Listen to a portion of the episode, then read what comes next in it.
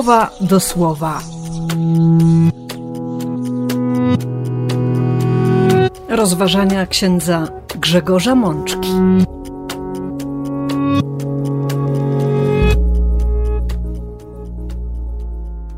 Piąta niedziela Wielkiego Postu, rok A.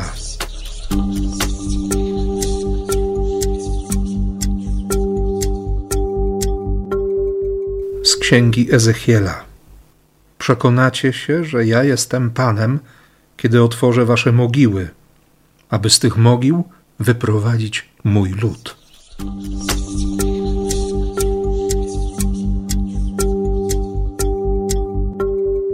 Z Psalmu 130. Moja dusza wytrwale wiąże swe nadzieje z Panem.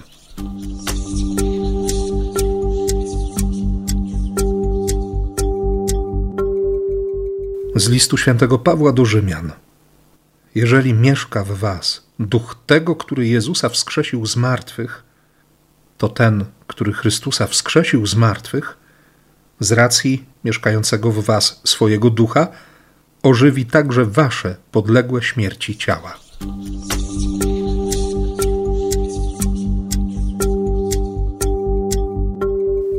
Z Ewangelii według świętego Jana. Łazarzu, wyjdź stamtąd. I wyszedł zmarły.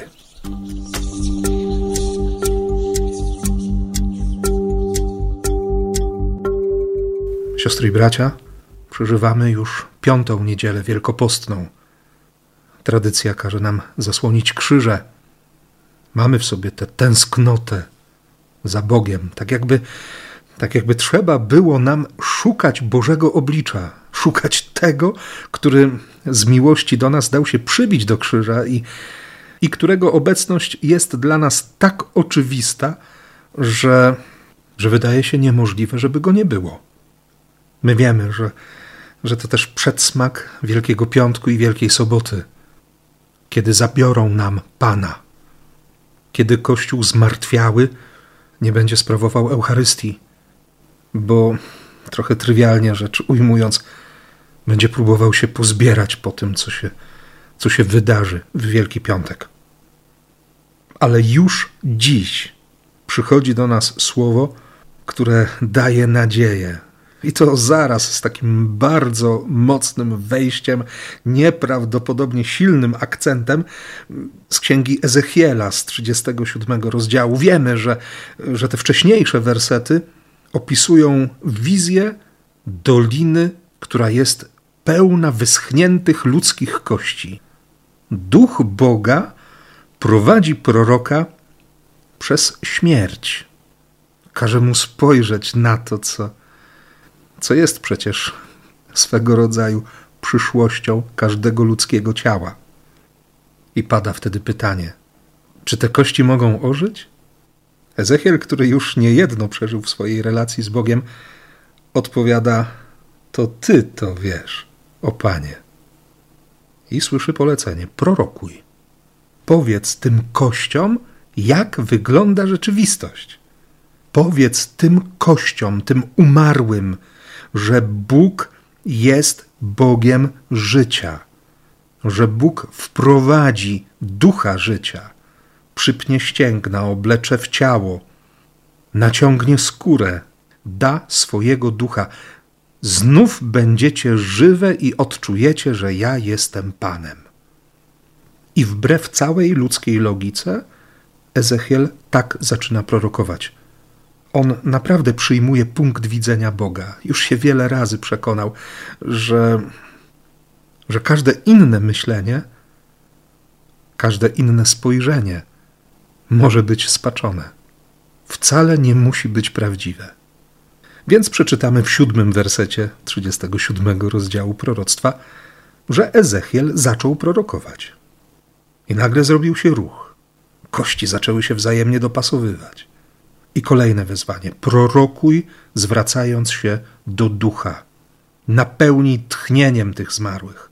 Niech ożyją. I wtedy pośród tumultu potężnego wojska, ogromnej rzeszy, prorok słyszy wyjaśnienie. Te wszystkie kości to cały dom Izraela. Oni się skarżą. Więc powiedz im: Oto otwieram wasze groby. Wyprowadzę was z grobów waszych i powiodę was do krainy Izraela, i przekonacie się, że ja jestem Panem, kiedy otworzę wasze mogiły, aby z tych mogił wyprowadzić mój lud. Osadzę w was mojego ducha, tak że ożyjecie. Każdy z nas potrzebuje ducha Boga. Przed tygodniem usłyszeliśmy w pierwszym czytaniu również, że Dawid był jedynym synem Jessego, który miał serce zdolne przyjąć ducha Bożego. Miał serce, które potrafiło się poddać duchowi, a nawet więcej, zostało owładnięte przez ducha Boga. Po tygodniu słyszymy proroctwo wypowiedziane przez Ezechiela nie tylko do ludzi będących w niewoli, daleko od rodzinnego domu. Ludzi, którzy przyjmują kolejne znaki przedstawiane im przez proroka z ogromną rezerwą, z jakąś podejrzliwością, bo, bo jeśli ktoś zna księgę Ezechiela, to, to rzeczywiście pojawiają się tam polecenia Boże czasami sprzeczne ze zdrowym rozsądkiem, przynajmniej na pierwszy rzut oka. Bóg daje obietnicę i On tego słowa dotrzyma, bo Boga można trzymać za słowo. Od razu gdzieś w mojej głowie pojawia się pytanie o to, ile razy trzymaliśmy w tym tygodniu Biblię w swoich rękach. Biblię otwartą. Jak często słuchamy słowa życia to słowo chce nas wyprowadzić z każdej śmierci, z każdej naszej słabości. Już prawie pięć tygodni Wielkiego Postu za nami. Jest w nas satysfakcja, czy raczej rozczarowanie? Nie sugeruje bynajmniej żadnej odpowiedzi. Dziś pojawia się kolejna obietnica. Przekonacie się, że ja jestem Panem. Bóg nie ma żadnych wątpliwości. On wie pytanie dość istotne dla nas, jako ludzi wierzących czy uważających się za tych, którzy ufają Bogu. Czy my to wiemy? Może dlatego swego rodzaju podpowiedzią będzie Psalm 130, a szczególnie jego szósty werset, właściwie pierwsza część tego wersu. W przekładzie Biblii pierwszego Kościoła brzmi on: Moja dusza wytrwale wiąże swe nadzieje z Panem. Jestem wytrwały w nadziei. Chcę być wytrwały w nadziei. Bo psalm rozpoczyna się od słów bardzo trudnych. Z dna przepaści wołam do Ciebie, Panie. Nawet na dnie przepaści nie przestajesz być dla mnie Panem bardzo ważne jest, że autor psalmu cały czas posługuje się słowem Pan. Nie Bóg, ale Pan, bo, bo w myśleniu biblijnym słowo Pan, które jest desygnatem Boga, mówi też o relacji, mówi o związaniu, o bliskiej relacji. Ten, który potrafi zapanować nad wszystkim, co mi się z rąk wymyka jest tym, którego chcę chwycić za słowo, którego chcę chwycić za serce.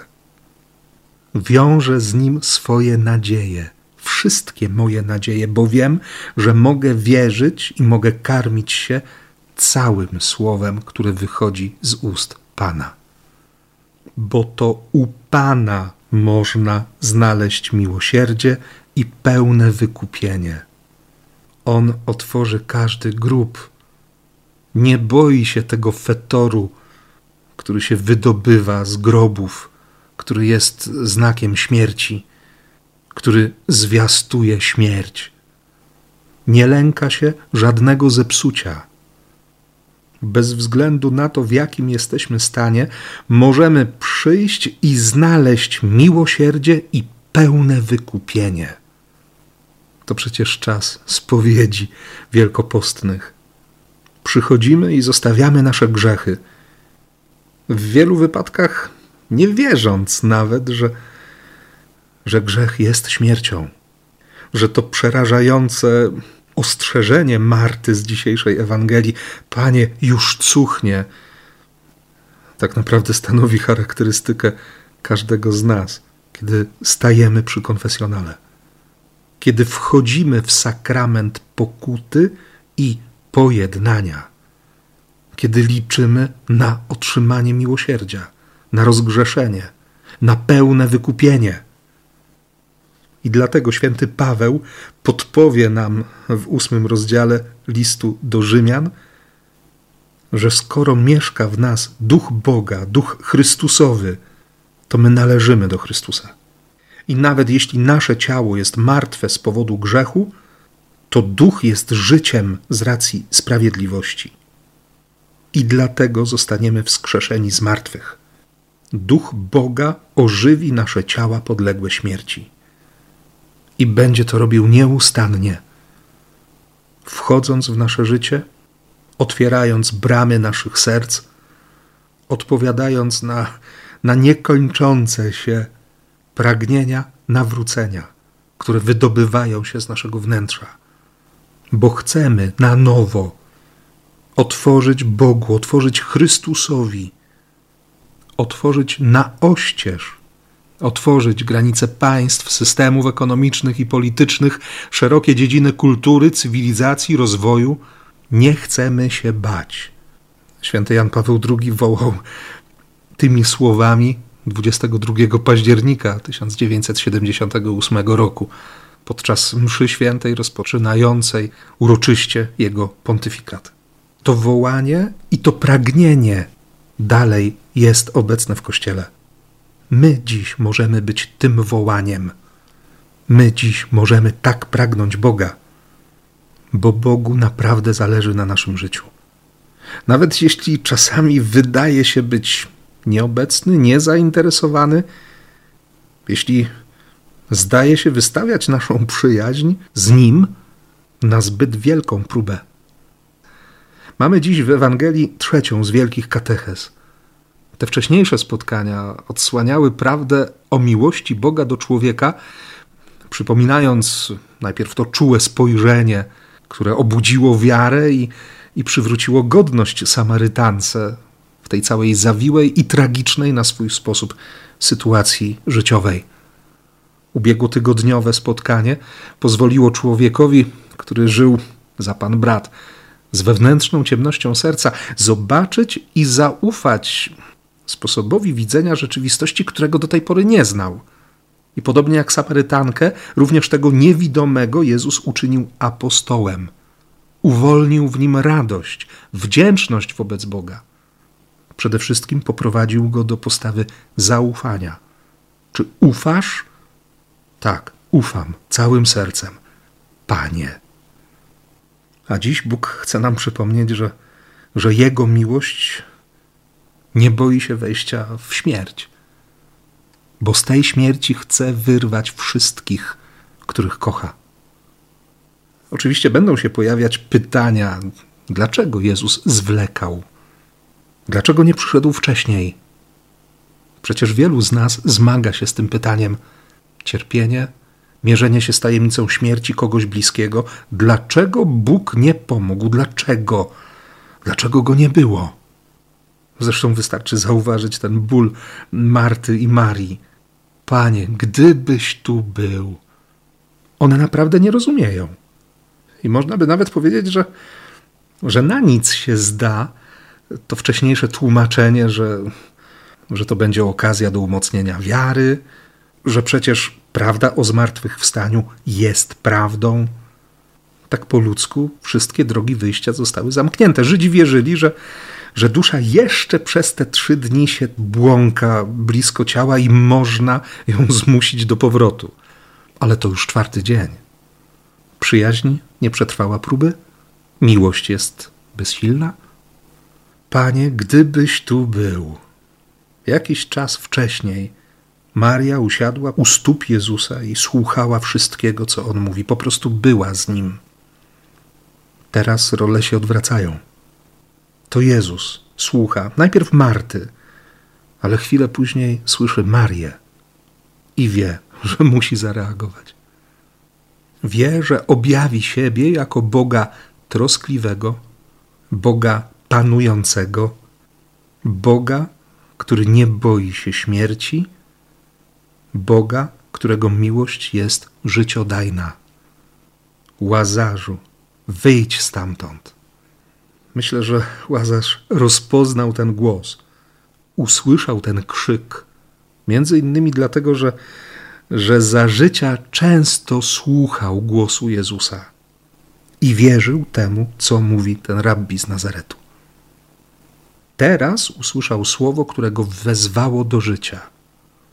Jestem pewien, że, że wszyscy, którzy stali wtedy przy grobie łazarza, zadawali sobie w głębi duszy właśnie to pytanie: Czy ten, który jest umarły, usłyszy? Jezus będzie mówił wyraźnie, że umarli usłyszą głos syna człowieczego i ci, którzy usłyszą, będą żyli. Trzeba tylko wiedzieć, jaką barwę, jakie brzmienie ma głos Boga. Czy my to już wiemy? Bo to pytanie o miłość. O miłość mocniejszą od śmierci. I dlatego życzę Wam wszystkim, nam wszystkim życzę, abyśmy nauczyli się rozpoznawać głos Jezusa, abyśmy mieli w sobie tę zdolność do, do uważności na wszystko, co mówi Bóg. Niech tak się stanie. Amen.